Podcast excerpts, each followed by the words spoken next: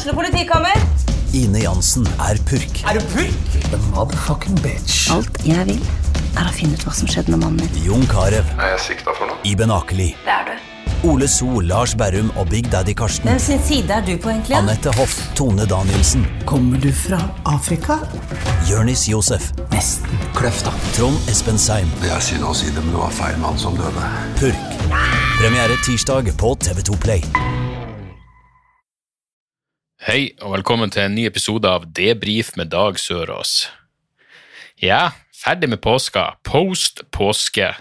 Og eh, ja, for vår del så, eh, så, så var påska helt grei. Eh, fruen var sjuk i første halvdel av påsken, feber og faenskap, og så ble Sander sjuk i andre halvdelen. Um, begge ble covid-testa og var negativ, så det var jo fint, um, men eh, men ja, jeg og Morty dog var jo friske gjennom hele faenskapet. Det er tydeligvis jeg og Morty som har uh, immunforsvar i, uh, i det her uh, huset.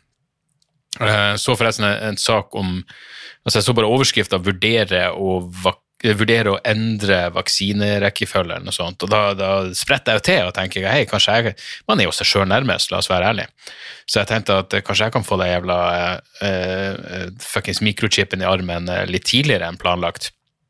Men da viser det seg, og det her er vel ikke noe som er bestemt ennå, men da, da viser det seg at når alle over 45 er vaksinert, eh, så gjenstår jo de fra 18 til 45, og da vurderer de visstnok å starte med de yngste. Som betyr at jeg, som er 43, vil være blant de siste i landet som får den jævla vaksina. Jeg, jeg vil sikkert være på fornavn med de som ikke har fått vaksina ennå, så få kommer det til å være igjen.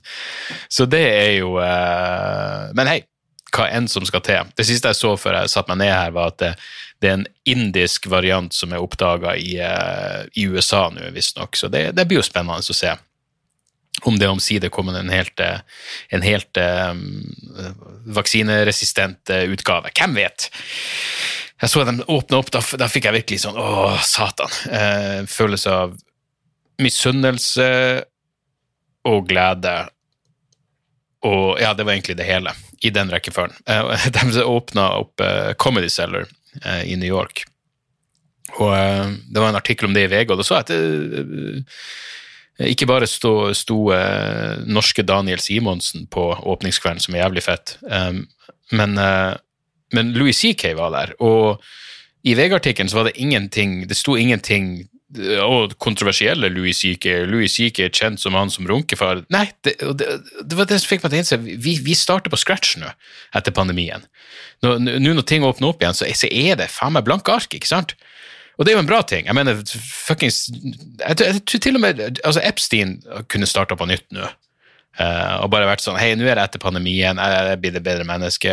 Epstein kunne starta helt på nytt om han ikke ble, ble selvmyrda.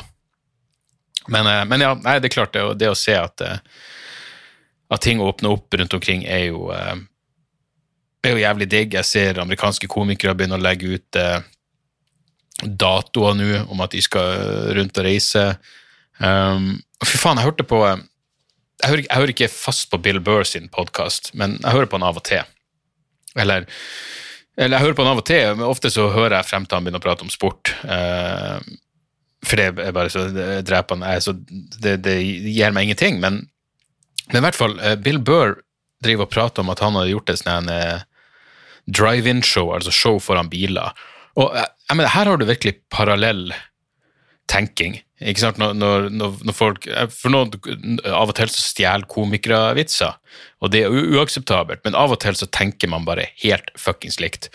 Og eh, Bill Burr prata om hvordan det var standup foran biler, og han sa noe som var helt identisk med det jeg sa For, jeg gjorde ett bilshow, det må jo være ca. et år siden nå.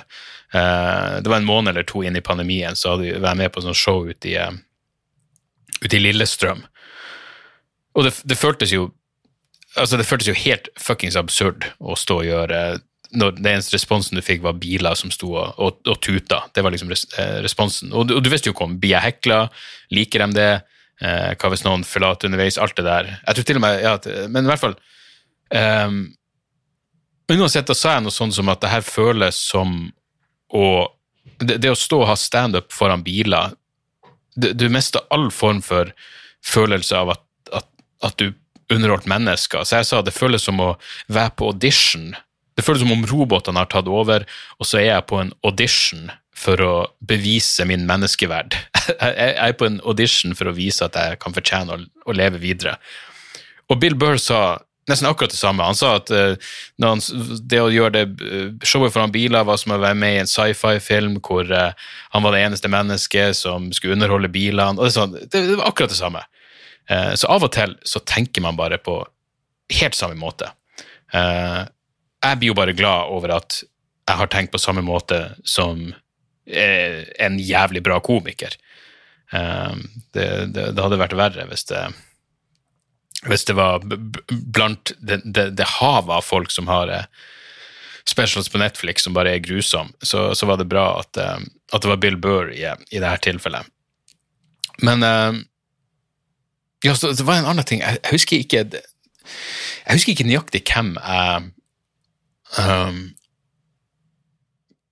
Hvem jeg så som fikk meg til å tenke det her, men det er virkelig et eller annet med at nå er det blitt sånn Altså, hvis du, hvis du har lyst til å bli komiker, men du ikke har noen form for Uh, funny bones, du har ingen liksom du, du, har null talent for humor, og du eier ikke timing, så kan du fortsatt bli komiker, men da, da kan du bli en viktig komiker.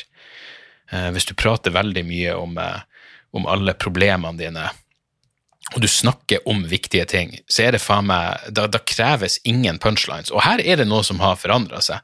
For uh, av og til så blir det der jævla viktig, har det der viktig-ordet blitt, blitt, blitt, brukt om meg, og jeg bestandig syns det er et, helt forferdelig Hvis du sier at en komiker er viktig, så er det som å si ikke er morsom.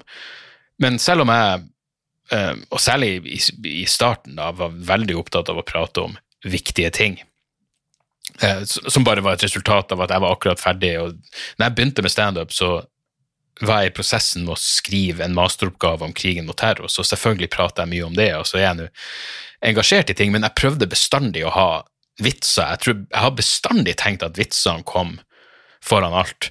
Eh, så selv om jeg prater om et tema som, som er viktig for meg, eller hva enn, så jeg bestandig tenkt at det må først og fremst være morsomt. Der tror jeg faen meg det har skjedd noe. Um, og det var den jævla, den jævla Nanette, Hannah Gatsby-greia var jo prakteksempler på, på hva, hva, er det her for noe? Bare fordi det er viktig, så skal det være sånn oh, det er jo det. Ja, jeg har sagt det jeg hadde å si om Hannah Gatsby i, i den tida. Og så kom jo med en oppfølger, oppfølgingsshow som, var, som jeg ikke klarte å se ferdig engang, som var så eksepsjonelt ræva. Uh, og det var ikke viktig i det hele tatt. Og da viste det seg å ja, så det var bare ingenting her. Uh, det eneste som var, var at det var viktig. Ja, ok, men hvis det kun er en jævla TED-talk, så, så, har det vel ingenting med humor å gjøre. Men um, hva, hva, Jeg er virkelig usikker på hva, hva poenget mitt uh, var med, med, noe av det her, men, men det er viktig. Det, det, det, er viktig å, det er viktig å være viktig, det er viktig å gjøre viktige ting. Selv om jeg av og til lurer på hvor, hvor mye mening det gir. Altså, I dag så var det en, en, en, um, artikkel i Klassekampen om en SV-politiker som vil ha Han vil kartlegge rasisme i Norge. Um, og han, han vil at vi må ha noen undersøkelser for å finne ut uh, hvor mye strukturell rasisme det er i Norge. Uh, altså hvor mye rasisme satt i system har vi i Norge. Han vil ha en kommisjon som skal sette fokuset på strukturell rasisme. Og det er jo ingen tvil om at uh, Jeg vil tro jeg vet ikke helt hvordan jeg skal kvantifisere det, men jeg vil virkelig tro at Norge må være blant de, mist, de minst rasistiske landene på planeten. Uh, det tror jeg bare er et, uh, et, faktum. Men strukturell rasisme, det er altså men, men, men, de gangene du liksom hører om rasisme, ser du særlig sånn i arbeidslivet og folk som søker på jobber. Hvis du har et navn som ikke høres ut som eh, Kari og Nils, er det mindre sjanse for at du blir kalla inn på intervju. Det, det boligmarkedet. Um, Slipp inn på uteplasser. Alt sånn. Og det er jo selvfølgelig viktig å, å, å, å eksponere og gjøre noe med, men det er jo jeg mener, I mitt hode så skyldes jo det rasistiske folk som tar, eller fordomsfulle folk, hva enn det er for noe, som tar, som tar avgjørelser uh, basert på, på, egne eh, vrangforestillinger. Men altså, det, det, det han SV-politikeren vil ha, er altså en kommisjon som her, er det ikke jeg klarte å skjønne. Her, er et sitat fra, fra uh, nei, fra Klassekampen. Ideen er at det kan være strukturer som fungerer rasistisk, f.eks. i arbeids- og boligmarked, uten at det nødvendigvis ligger noen rasistisk intensjon bak. Fenomenet har fått stadig større plass i norsk debatt de siste årene, ja, særlig det siste året, vil jeg si. Men den rasismen du finner i arbeids- og boligmarkedet, er ikke den i høyeste grad et resultat av rasistiske intensjoner. Hvordan Og igjen, jeg, jeg sier ikke det her som, som, om jeg vet svaret, men strukturell rasisme innebærer vel at det, at det, at det er regler på plass, at rasismen er satt i system. Og hvordan regler og jeg spør genuint, men hvordan regler og systematisk rasisme er det i arbeids- og boligmarkedet? Jeg mener, Hvis du ikke blir kalt inn til et jobbintervju fordi du heter Mohammed, så kan jeg ikke tenke meg at det står noen plass at, uh, at folk med det navnet ikke skal kalles inn noen plass. For det vil jo ikke skal kalles inn til intervju, for det ville vært rasistisk. Uh, det er vel mer innfallene til enkeltpersoner som fører til sånne ting. Så jeg vet ikke engang hva det betyr for noe, men straks du sier det, ja, jeg, jeg vet ikke om det er en god idé å begynne å kartlegge strukturell rasisme i Norge, så, så virker det jo som et rasshold. Og det, det, det bærer jo denne artikkelen i Klassekampen eh, åpenbart preg av, fordi den som går hardest ut mot der, er jo Helgheim. Jon Helgheim. Eh, det, det hersligste mennesket i eh, sin rinnan. Han går ut og kritiserer det her. Uh, og, og, og, fremstår faktisk, uh, og det, det, her sitter langt inne å si, men sånn som han er sitert, så fremstår han som Uh, relativt rasjonell. Og, og, det, og ja, det, det, gjør ondt å si det, men utelukkende basert på det han er sitert som å si i den her uh, Nei, ikke, ikke, alt det han sier, nå må jeg rette meg sjøl. Men han sier det finnes rasisme i Norge. Vi har rasisme som retter seg mot innvandrergrupper, og vi har rasisme som går den andre veien. Ok, selvfølgelig må han hive inn det. Um, men, men, altså jeg, jeg, jeg vet ikke. Det, jeg, Gud. Kan man en gang har jeg, har jeg lov til å si det som har jeg lov til å si som hvit mann at jeg er så helvetes lei av det rasefokuset hele tida? Uh, det, var, det var en greie nå i Det høres helt sykt ut, men uh, det, det, det, er jo bak en betalingsmur, så du får ikke lest hele artikkelen. Men altså, Washington Post har en artikkel som, som sier at hvis Biden-administrasjonen Altså, hvis du, hvis du uh, hvis du skal eh, investere i infrastruktur i USA, så er det en form for rasisme. Jeg mener, hvis du, skal, hvis, du skal, hvis du, skal, investere i infrastruktur, så er det Da har du utdaterte eh, samfunnssyn som, eh, som, hvit mann. Altså, det, er white supremacy å, si at vi kanskje burde fikse togene i USA. Jeg mener, det er altså nå et Eh, jeg mener, I USA har det jo vært det, særlig det siste året, men altså et, et rasefokus som jeg vil tro eh, langt flere enn hvite mennesker eh, må bli jævlig lei av. Men eh, det virker kun rart når en hvit person sier at hen er lei av alt det rasefokuset, men det er faen meg Ja, nei, jeg, jeg hadde ingen anelse, liksom, at det at det var rasistisk og, og, og vil fikse på veiene i USA. Men eh, hva visste jeg? Det er viktig.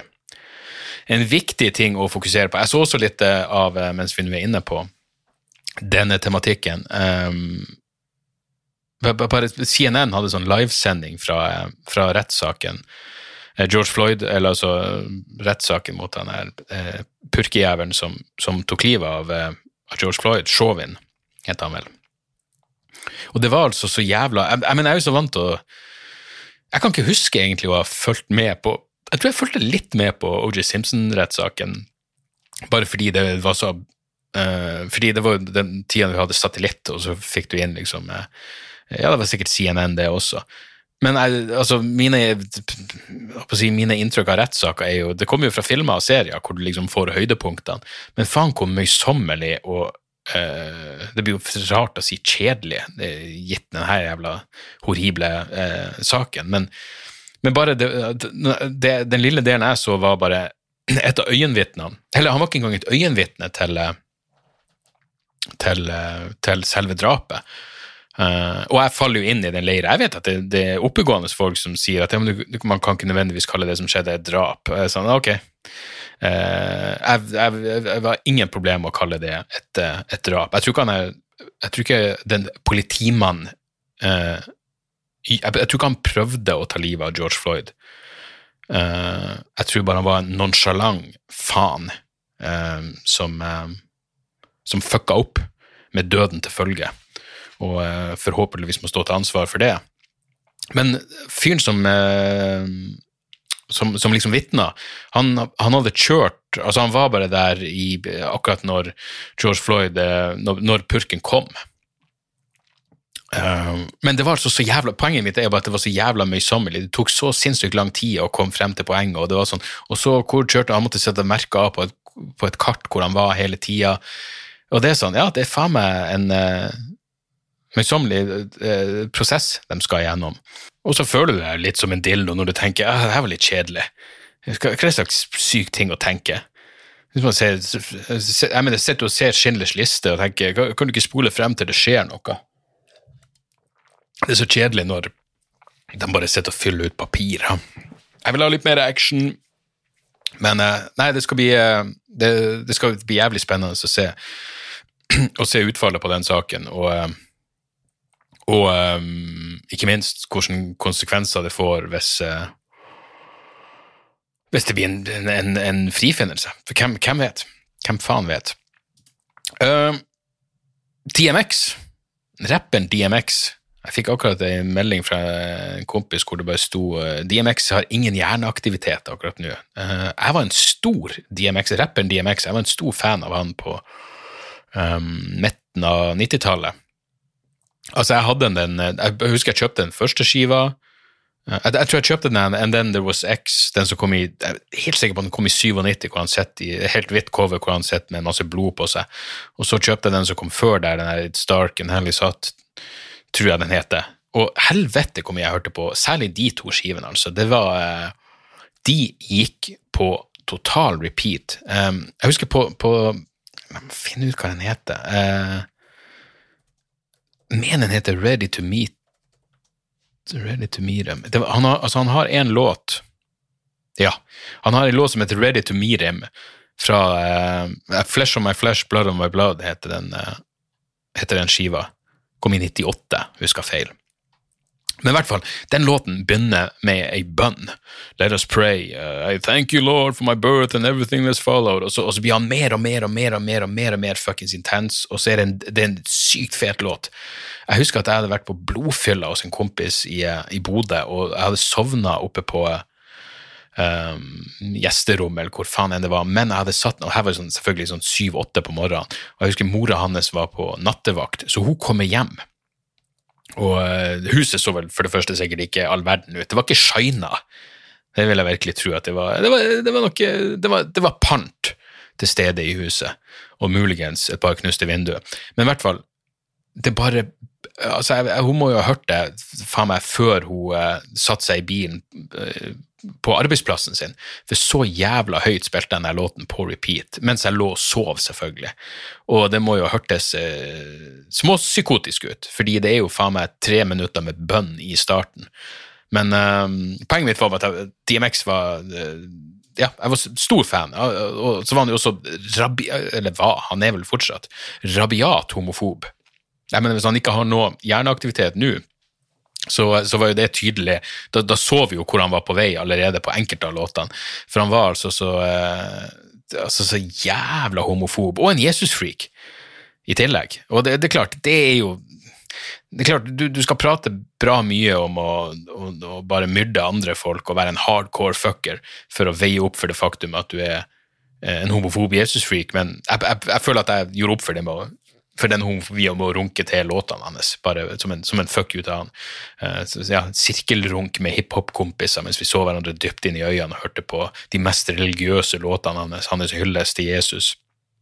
Men uh, jeg håper selvfølgelig uh, jævelen overlever. Det var jo i andre tider, da, på 90-tallet. Da kunne man jo være en, uh, en homofob faen uten, å, uten, at det var noe problem. Jeg husker jeg, hør, jeg hørte jævlig mye på reggae i år. der var det også jævlig mye grusom fuckings homofobi. Og igjen, hva er fellesnevneren? Ja, det er en viss religion. Det, er religiøst betinga eh, også der. Men ikke sant, det er sånn med, med DMX er det sånn du, får bare la han være. Han har noen rare, fuckings skrudde, syke ideer, men du må bare la dem være. Til slutt, så det, jeg, jeg vet ikke engang. Enkelte folk vil DMX Nå kjenner ikke jeg DMX, jeg og de er ikke på forbokstav, men, men eh, virker jo som et rasshold. Jeg bestandig virka som et fuckings rasshold. Og eh, virker ikke som en fyr som nødvendigvis er mottagelig eh, for rasjonelle motargumenter, hans ståsted liksom, du, På et tidspunkt så må du bare Det, det er jo sånn som liksom, jeg har prata om svigerfar før, som, som, var en rasistisk faen. Til slutt så er det sånn Jeg kommer ikke til å overbevise han om noen ting. Så la oss bare gjøre det underholdende, i det minste. Jeg husker også svigerfar eh, hadde uh, Han hadde en sånn greie med ja, han hadde jo, Jeg, jeg vitsa om det på scenen, men det var helt sant. Han hadde en sånn skrudd idé om at uh, stråling var farlig. Ikke sant? Rute, wifien var farlig. Han, kunne, han, han røyka én tobakkspung om dagen. Altså én tobakkspung, det er vel faen meg 50-60 rullings om dagen. Det var han ikke redd for, men, men, men liksom wifien skulle gi han kols og alt det der. Um, så jeg, jeg, jeg kødda om det på scenen, og, og, det var sant, men jeg husker at han hadde en sånn idé om at ruteren kunne ikke være i stua. Så jeg sånn, ja, men det vil være en god idé å ha den i stua, for du har, du har laptopen i stua, og, og liksom ruteren, da får du bra så nei, han måtte ha den en annen plass. Så han fant ett rom, og selvfølgelig, jeg lurer på om det var noe sånn eh, eh, jeg vet da faen. Kanskje ironisk nok noe, noe indisk eh, spiritualitet som lå til grunn for, for han hadde altså så jævlig mye rare ideer om ting. Men da, da mente han at ruteren måtte henge på et rom helt i andre enden av huset, og så måtte den henge høyt på på, på, på, på veggen for da var det mindre farlig. Eh, og akkurat det med at det skulle være høyt på veggen i ettertid, så jeg tenkte det var mulig det var noe, noe rasjonelt i det, for ruteren skulle være høyst mulig oppe, tror jeg, for, for bedre Men igjen, vil, vil, du ha best mulig uh, fuckings dekning, så setter du vel ruteren i, i, stua der de forskjellige enhetene som skal kobles på nettet, faktisk er. Men jeg kan huske at jeg satt på det rommet hvor, eh, hvor, hvor ruteren hang på veggen. Og så kom han inn, jeg hørte at han ropte på meg 'Dag, Dag, det er ruteren', og jeg skjønte hvor det var på vei. Jeg skjønte at han skulle ha hjelp til å flytte ruteren høyere opp på, uh, på veggen. Og jeg, sett, jeg husker at jeg, jeg, satt liksom sånn at når han kom inn på rommet, så uh, døra åpna seg innover, sånn at jeg kunne gjemme meg bakom jeg kunne akkurat gjemme meg bakom døra, og han ropte etter meg 'Dag, Dag, hvor i faen er du? Vi må ordne den jævla ruteren.' Og jeg bare gjemte meg. Jeg husker jeg krøyp opp mot veggen, så jeg satt sånn at Og jeg var fortsatt synlig, takk Gud for at, han, eh, at synet ikke var 100 um, uh, i tillegg til wifi-overbevisningen. Men da begynte han altså å skulle flytte på den jævla ruteren, og når han hadde holdt på lenge og pusta og pesa, for han røyka 50 rullings om dagen, uh, så husker jeg tenkte at hvis han snur seg, hvis han ser meg nå, hva i faen skal jeg da si for noe? Uh, og vi hadde jo et godt forhold, så jeg skulle ha klart å kødde det bort, men det var et sekund der hvor jeg tenkte nå har han holdt på så lenge, nå har han slettet i fucking syv-åtte minutter med det her, og jeg bare sett jeg, jeg, gjør en mye større innsats, altså det er mye mer fysisk anstrengende for meg å gjemme meg akkurat nå, fordi jeg sitter og presser meg mot veggen, enn det, bare, enn det ville vært å bare hjelpe han med å slå inn en fucking spiker enda høyere opp på veggen, så det muligens blir litt mindre ræva dekning. Eh, poenget mitt er bare det var bare å la han være. Liksom, jeg, jeg, kunne prøve å forklare alt det der med, med, med hvordan en rute fungerer, og hvordan wifi-signal fungerer, men, men til slutt blir det sånn, få bare la han være. Få bare la han være. Jeg tipper det var sånn for, for, for uh, vennene til DMX også, at det er sånn, bare, la han være. Han begynner med det homohatet sitt, så får det bare fuckings være. Hva man skal gjøre for noe? Håper at han har noen andre gode egenskaper som veier opp for uh, den uh, hans tidvis tilbakestående moral. Um, så ja. Som uh, tidvis tilbakestående moral bringer meg jo fint over på um, Jeg så ferdig denne Q Into the Storm-dokumentaren på uh, HBO i går. jævlig bra. I starten tenkte jeg satan, her går de Det jeg tenkte etter første episode, var ok, det her er lagd på en måte som gjør at det er interessant både for de som er eh, interessert i QAnon og vet litt om det, og de som bare ikke har peiling på hva faen det her syke faenskapet er i det hele tatt. Så det er klart liksom å, å eh, balansere det der eh, godt, selv om det blir veldig nerdete og veldig sånn går inn, men jo mer du går inn på når du begynner å komme inn i de her forskjellige karakterene, fuckings Ron og Jim og Frederick og alle de der Satan, for et jævla klientell av av eh, Altså, det er noen skakkjørte sjeler der. Eh, og nå klarer jo eh, men, men, poenget mitt er bare at jeg trodde det var fire episoder, og hver av dem varer jo en time. Så når jeg var ferdig med episode fire, så tenkte jeg faen, det der var ganske eh, det var en lite tilfredsstillende slutt, og så ser jeg bare at det kommer ned i hjørnet. Episode fem står jeg bare faen, er det to timer til med det her? Men da var jeg kommet såpass inn i det. Altså, da hadde jeg sett uh, de tre første episodene i, i, tre forskjellige doser. Men så tok jeg da fire, fem og seks i ett. Og det, det var liksom tre timer da. Tre timer, ja. Uh, og da, da, da, kom jeg altså skikkelig altså, ja, Da blir du sugd inn i For det, det blir jo som et realityshow med mer interessante deltakere. Og uh, spoiler alert, jeg mener spol frem ti sekunder hvis dere vil, ikke vil høre det, men han klarer vel mer eller mindre å avsløre hvem Q er. Men mens jeg så på det her, så slo det meg at ok, du har liksom de, ene, de som er true believers, som bare er uh, Jeg mener, sinnssyk til en viss grad er vel, er vel, den eneste rette beskrivelsen man kan ha. Jeg mener, Noen av dem er bare så, så, så, så altså, Noen av dem er bare så inn i helvete dum at, at det, det, er helt utrolig å se for seg at de opererer fra dag til dag på et selvstendig nivå uten profesjonell assistanse. Uh, mens noen av dem er, noen av dem, noen av dem er åpenbart smart og har bare blitt dratt inn i det syke parallelle universet. Men så har du liksom de som sitter og drar i, i eh, de som, Arkitektene bak det her. Og ah, det, jeg, jeg, ender opp med det samme um, den samme følelsen av aversjon og Jeg vet da faen om hat Hat er et for sterkt ord, men folk som ikke har noe form for som ikke står for noen ting, ikke har noen overbevisninger, nesten har en ironisk distanse til alt det faenskapet eh, som de blir ja, Om så indirekte involvert i.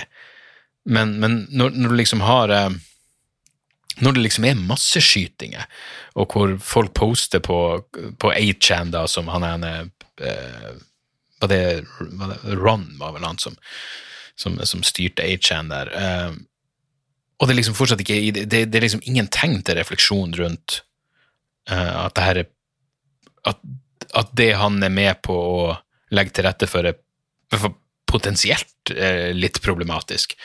Um, men så viser det seg at de, de, har ingen overbevisning, de står jo ikke for noen verdens ting. Det er jo ikke noe idol Det er, det, er derfor Steve Bann også er sånn, han som er ja, arkitekten bak å få Trump valgt inn. Jeg pleier virkelig å tro at han hadde sånn Ehm, at han hadde en ideologi og en form for overbevisning som, som er eh, eh diametralt motsatt av alt jeg står for. Men jeg, da jeg så den, eh, den Errol Morris-dokumentaren om Steve Bannon, så, så, så, innså jeg jo at nei, vent, han er jo bare en, en, en, nihilist. Han vil virkelig at ting bare skal brenne. Men det er jo det minste en slags overbevisning. Hvis du bare vil at verden skal gå til helvete, og du er villig til å, til å gjøre ditt ypperste for at uh, sluttfasen er mest mulig kaotisk. Ok, det er jo en form for Da står du i hvert fall for et eller annet. Men han er jævla eh, Jeg må google hva faen er han Hva faen er han Jeg mener det var Ron som var For Ron og Jim uh, Han som Code Monkey Ja, Ron Watkins heter han. Som uh, det er vel mye som tyder på at han er Q. Uh, men han er jævla code monkey. Han, han, det er så åpenbart, han står ikke for noen ting. Han syns bare det er gøy. Um, og jeg, jeg, lurer på om han, eh, han, han som har lagd dokumentaren, på et eller annet tidspunkt sier at om han at han, eh, Eller om de her folkene er at de ser på um, De ser på, på, livet som et spill. Og det er sånn, ja, ok, det er jo for så vidt greit, uh, men, men det, det er akkurat som det er et spill, men du, du, du, du utgir deg for å ha overbevisninger og ting du står for, når det, det betyr ingenting for deg, annet, enn følelsen av at du har om så bare ei usynlig makt over mennesker. Er den eneste drivkrafta du har. Gud, det er så triste mennesker. Og, og igjen, det der ironisk distanse til alt. Ah, det byr meg så jævlig imot, altså. Det blir meg jævlig imot, i hvert fall hvis du ikke har noe som du egentlig står for. Uh, ingenting galt med ironi, og gudene skal vite at det ikke er noe galt med sarkasme, men du må ha et eller annet av substans i bånn. Hvis ikke så er du ikke annet enn et fuckings uh, et tomt skall. Et tomt skall. Åh. TMX, ingen hjerneaktivitet. Det er han og Kjersti Toppe. Ingen hjerneaktivitet. Jeg lurer på om Kjersti Toppe fra hva er eh, helsepolitisk talsperson i Senterpartiet, noe sånt. Du er min nye sånn anti... Eh, altså antihelt. Det, det, det blir en sånn greie nå med Senterpartiet i, eh, i debatten rundt rusreformen, at, eh, som vel avgjøres neste helg, når Arbeiderpartiet bestemmer seg for om, om det blir en yay or nei. Men de, de har, det, er flere ganger nå hvor, hvor uh, det som skjer, er at uh, det kommer en faktapåstand i rusdebatten, og så går Senterpartiet ut og sier nei, nei, nei, det der skjer aldri, nå får folk skjerpe seg. Og det som så skjer, er at det kommer en tsunami av fortellinger om at det faktisk skjer. Det som Sp sier ikke skjer, skjer faktisk. Og det skjedde nå sist i forbindelse med eh, det at det viser seg at folk blir straffa, bøtelagt, eh, får ting på rullebladet hvis de ringer 113 når noen har tatt eh, en overdose eller er i en krisesituasjon pga. ulovlig rusbruk. Og Da gikk eh, Kjersti Toppe ut på, Twitter og skrev de, med, de, de, som jobber i 113 har taushetsplikt. Det, det, er ingen som, får, som blir straffa for å ringe 113. Det får være visse grenser i denne debatten. Godeste Kjersti sier det får være grenser i rusdebatten. Det er faen meg, det, det er faen meg som om Manshaus skulle oppfordre til en mer menneskelig innvandringsdebatt. Hold kjeften din, Kjersti. Du er faen meg prakteksempelet på eh, på totale avsporinger og faktaaversjon. Uh, og selvfølgelig var det det som skjedde her også. Hun sier at det er ingen som får straff for å ringe 113 og melde om en overdose, og så er det bare et tsunami av fortellinger om at det er akkurat det som skjer. Og all honnør til VG for, uh, for den artikkelen om uh, um, ja, det er Frode, anonymiserte sitt svar til politiet, hvor min beste venn døde i forbindelse med dette han fikk bot for narkotikabruk etter å ha ringt 113. Uh, eh, jeg mener, det er det er, så, det så fuckings forkastelig så du, så du, kan få det. Mens Kjersti Toppe skrev helsepersonell har taushetsplikt, her spres det feil informasjon om 113, ingen får noe på rullebladet av å be om akutt helsehjelp, det får være visse grenser i denne debatten. Ja vel, Philip, vi må ha en mer human innvandringspolitikk. Fy faen, for et grusomt naut hun er grusomt jævla naut. Jeg mener, det var jo en undersøkelse som viste at 40% av ungdom varsler ikke 113 hvis det er en, uh, en, nødsituasjon, en, nødsituasjon, som oppstår som et resultat av ulovlig eh, rusbruk. 40% varsler ikke 113. Vi har en lov som gjør at enkelte kvier seg for å be om hjelp med en overdose. Kan det være at det bidrar til Norges veldig høye overdosetall?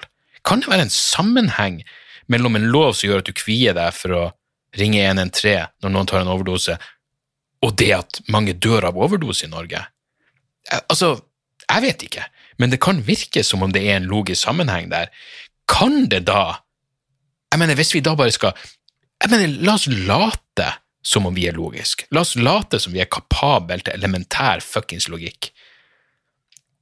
Hvis vi har en lov som gjør at enkelte kvier seg for å be om hjelp ved en overdose, og det fører til høye overdosetall, kan det da være sånn at hvis vi forandrer den loven, sånn at folk ikke kvier seg for å be om hjelp med en overdose, så kan vi få litt lavere overdosetall?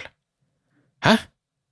Kan det være at det kan være en god idé å forandre den fuckings loven? Jeg mener, det her er jo logikk så elementær at du må være vedum for å ikke skjønne det. Og SP, de, de, de, er så de, å, de er så gode å synse. Herregud, altså. Du må gjerne synse i vei, Kjersti Toppe. Syns i vei. Vær rikssynser om du vil.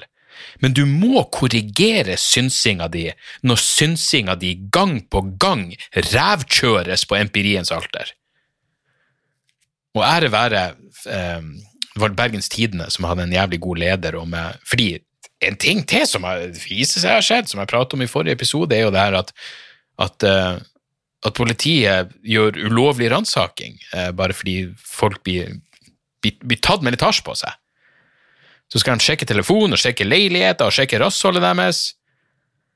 Ja, ja, men sånn har det alltid vært, og sånn må det fortsette å være. Hvem bryr seg om det er ulovlig? Men hvis du har hasj på deg, så må du regne med ei statssanksjonert voldtekt av politiet.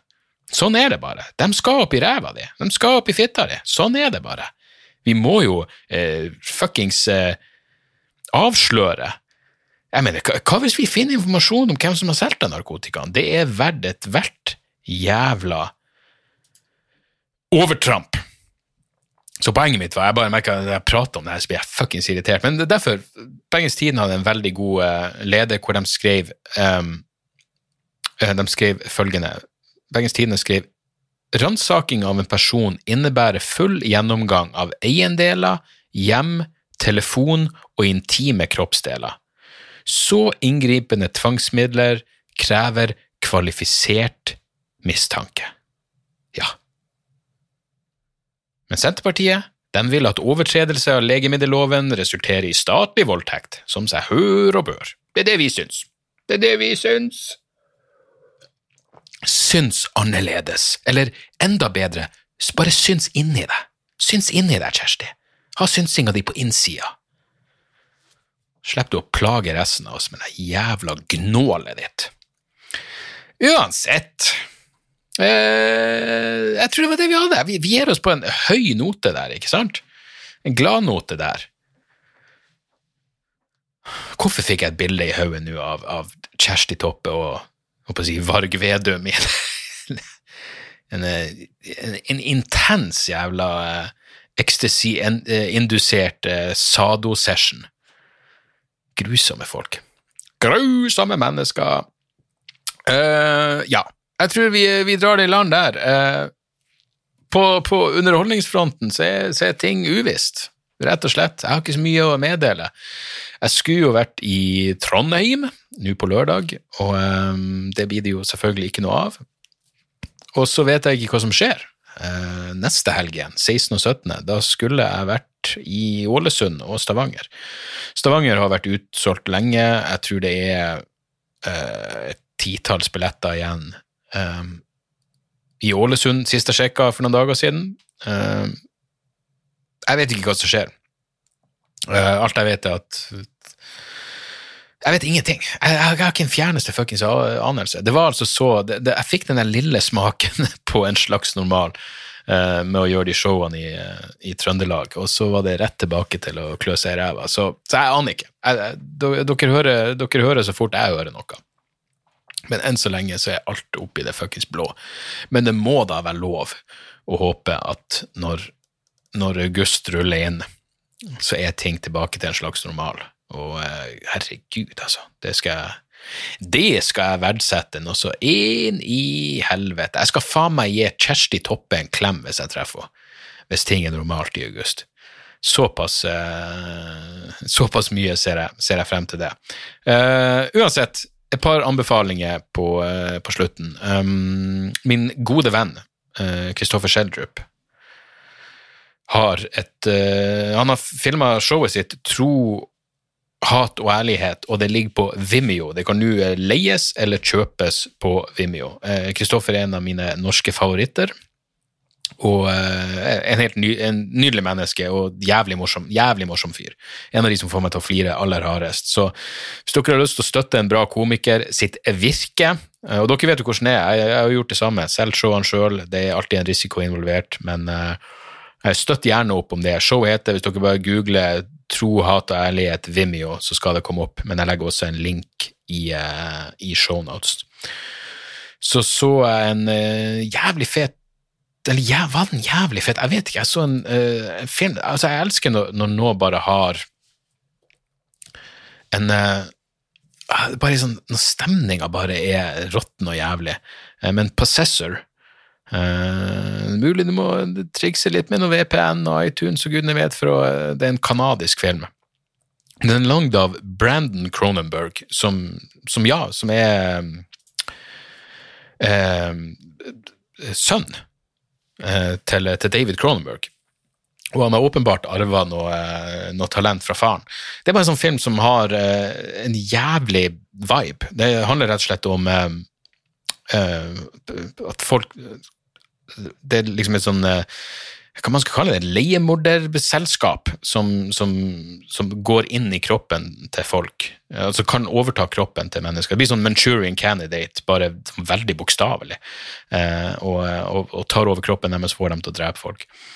Eh, bra, mørk og eh, bare sånn jævlig uhyggelig stemning på, på hele filmen. Så hvis, hvis, hvis, hvis, ikke det pirrer din interesse, så vet ikke jeg. Men uh, Possessor kan, kan, kan anbefales. Og så vil jeg anbefale ei bok, eh, som eh, var den jeg, jeg leste nå i eh, Jeg hadde mitt, eh, mitt eh, dagsprosjekt eh, med, med, daglig meditasjon og løping og, og, alt det der som jeg skulle ønske jeg enda holdt på med. First Platoon av Annie Jacobsen. Den heter First Platoon, A Story of Modern War in the Age of Identity Dominance. Det er, det er en jævlig bra bok fordi den um, den kombinerer liksom historie, historie om hva som skjedde med First Platoon i, Afga i Afghanistan, kombinert med um, altså det, Og det her visste ikke jeg om, og jeg har jo uh, lest mye om krigen mot terror, men det viser seg at amerikanerne prøvde å lage et slags uh, kan de kalle det biometrisk panoptikon i Afghanistan. Målet deres var å uh, samle biometri, altså Nå må jeg tenke. Eh, fingeravtrykk, bilde av øyet, altså iris scan, og, og så er det sånn mugshot, bare et bilde. Så de var også samla DNA.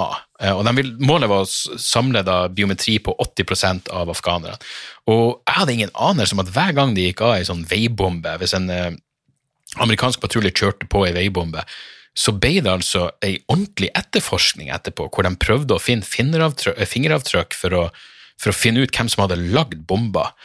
Um, men som så ofte skjer, uh, det som begynner, uh, det som av, det av, av teknologi og, og overvåknings... Um, altså ny overvåkningsteknologi. Det som selvfølgelig skjer, er at det begynner kanskje på slagmarka, men så blir det implementert i hjemlandet etter hvert. Um, så boka handler jo delvis om hvordan, hvordan den her Altså, det, det, det er så eh, dystopisk og uh, Jeg mener, Orwell det, det noe, Orwell hadde ingen fuckings forestilling om det her i 1984, men ideen er jo at du, du har Altså, det, det er overvåkning som er den, den potensielle overvåkninga er så total.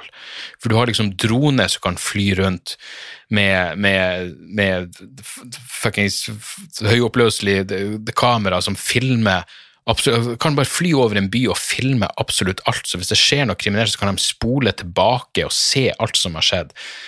Det er liksom på det nivået. På, eh, på si, the bird's eye view, hvor du ser ned, og overvåkning på det nivået, i tillegg til da kontroll på på, på biometrien din, eh, eh, pulsen din, humøret ditt. Jeg mener, det, det, potensielle ja, totalt dystopiske overvåkningssamfunnet er på mange måter eh, en, en, en, realitet, og i hvert fall teknologisk mulig. Så eh, ja, så, så, denne boka, da, og det er jo det er noen helt uh, syke historier um, Det er blant annet ei som er så jævlig eh, fascinerende. Hva heter han eh, Lawrence Jeg tror han heter eh, Jo, han heter eh, Clint Lawrence. L-O-R-A-N-C-E. Dere kan google Clint Lawrence, så vil dere få opp hele den historien. Her er det altså eh, han, han, var en sånn eh, Han var nesten ferdig eh, med sin tjeneste i Afghanistan. Um, jeg tror han var tre fjerdedeler inne, og han var uh, litt sånn uh, bitter og lei seg for at han ikke hadde fått noe, noe, noe erfaring på, på slagmarka, fordi han, det var noen medaljer han var veldig hypp på, hypp på å få. Og så får han plutselig ta over den her First Platoon, og så er de ute på patrulje. Han virka bare veldig hypp på å drepe noen. Veldig aggressiv. Eh, eh, likte å, eh, instru å eh, instruere sine underståtte til å skyte eh, som det, rett og slett bare Noen vil kalle det terror. Skyt på lokalbefolkninga. Ikke for å drepe dem, bare for å skremme dem. For å vise hvem som er sjef. Eh, virkelig. Enten bare klikka eller en total sosiopat. Men de er i hvert fall ute på patrulje, og så har han bestemt seg for at alle på motorsykkel er, eh, skal skytes, er potensielt livsfarlige. Men i Afghanistan så er jo faen meg alle på motorsykkel. Eh, det er en billig og enkel måte å komme seg rundt på. Så de ender da selvfølgelig opp med å eh, myrde Altså, de, de, de angriper begynner, Han beordrer eh, drap på tre stykker som kommer kjørende på to motorsykler. En av dem overlever, og to stykker blir drept. Far og sønn blir drept. Og det er bare et kaldblodig drap. Og, og, så viser det seg da at ja, det, det er en ganske komplisert historie, men poenget er kort og godt at biometrisk data da viser at vente, hans, han sønnen som ble skutt, han var jo ikke så uskyldig. Han, hans fingeravtrykk finnes jo faktisk på eh, noen veibomber som har drept amerikanske soldater, så da er jo han Lawrence han er jo ikke en krigsforbryter, han er jo en fuckings helt, for de han drepte, var jo talibanere. Og så er det sånn veldig rar logikk i det her, fordi om det så var sant, noe det ikke var, så er det jo fortsatt kaldblodig drap. Han hadde jo ikke ingen anelse om at de var talibanere. Men det, det, det er sånn, er det, jeg vet ikke om det er noe sånn militær logikk her, og han ble jo benåda av Trump på grunn av det her. De klarte jo å lyge til Trump, jeg vet ikke om de trengte å lyge, men å bare si at nei, de han drepte var Taliban. De var ikke det. Men hva om de var det? Han visste jo ikke at de var det. Jeg mener, Hvis jeg bare nå bestemmer meg for å gå ut og slå i hjel folk, så er det jo mulig jeg slår i hjel noen som fortjener det. Men det forsvarer jo ikke noe av det jeg gjorde. Uh, så det, det, er veldig, veldig merkverdig. Men, uh, men uh, rett etter at jeg hadde sett Rett etter at jeg leste den boka, så så jeg filmen Cherry på, på Apple Plus som er ganske bra. for En veldig sånn enkel film, og, men, men historien i Cherry er jo om en fyr som Uh, ja, det er en veldig sånn klassisk historie. Han, han, le, han har det småkjipt og ingen fremtidsutsikter, så han verver, og damer slår opp med han, og så han verver seg i militæret. Så blir han fucka der for PTSD, og så blir han heroinavhengig, og bla, bla. Dere vet hvordan det går. Men når jeg leste den First Platoon om hvordan det går med så mange av de folkene når de kommer hjem fra Afghanistan, ja, da skjønner du at den filmen er Ja, den, er, den virker kanskje banal, men den er også ja, Den er nær. Sannheten er ofte ganske, ganske banal. Så First Platoon av Annie Jacobsen kan også uh, anbefales på det varmeste. Ok, det var, uh, det var, ukas uh, episode. Takk for at dere hører på. skulle det være noe så er e-mailen til podkasten eh, debrifpodkast.gmail.com, podkast med C. Jeg har også en eh, Patrion, hvor dere får eh, Ja, jeg, jeg, jeg, vurderer å steppe det opp til ja, Dere får i hvert fall to-tre bonusepisoder i måneden på Patrion, i tillegg til litt annet eh, småsnacks. Så eh, sjekk gjerne ut patrion.com slash dagsoras. Um, og ja, det skulle være det hele. Hjemmesida mi er dagsoras.com. Uh, eh, og der finner dere uh, turnédatoer til høsten. Uh, dem er det mange av, og inn i helvete hvor jeg gleder meg til at uh, det forhåpentligvis blir noe av. Alt ordner seg, folkens. det er i hvert fall det jeg bestemte meg for å si til meg sjøl. Vi høres snart igjen. Tjo og hei! Moderne media. Da er det reklametid, og ukens annonsør er fiken. Hør her, jeg, jeg, jeg avskyr ordet regnskap. Ordet regnskap eh, gir meg assosiasjoner som er uhyggelige. Det får meg til å tenke på andre uhyggelige ord som ettersyn og underlivsundersøkelse. Men regnskap er et nødvendig onde, og fiken er et så enkelt regnskapsprogram at selv jeg kan klare å ha kontroll på finansene hvis jeg bruker det. Eh, du kan registrere kjøpene dine bare med å ta et bilde av kvitteringa med appen, og så kan du bare hive, hive kvitteringen. Hvor nydelig kan det bli? Og Fiken forholder seg også til regnskap med overkommelige ord. Det er ikke masse overkomplisert økonomisk terminologi. De kaller det kjøp og salg i stedet for hva enn de kaller det på BI. Og du kan, eh, du kan få fiken til å sende purringen dine, sånn at du slipper å gjøre det sjøl. Slipper du de der flaue øyeblikkene hvor du må skrive 'unnskyld meg, men det står noe utestående her, kan du fikse det fortest mulig', eller må jeg sende, sende mafiaen etter deg? Nei, fiken fikser det der, så kan du skylde på algoritmene. Du slipper dårlig stemning. Jeg syns det er utrolig greit å slippe å styre med sånne ting sjøl, og nå kan du prøve fiken gratis i 30 dager. Hva, hva har du å tape? Bokstavelig talt ingen verdens ting. Så gå inn på fiken.no og prøv fiken gratis i 30 dager. Ok? Det var det så vanskelig.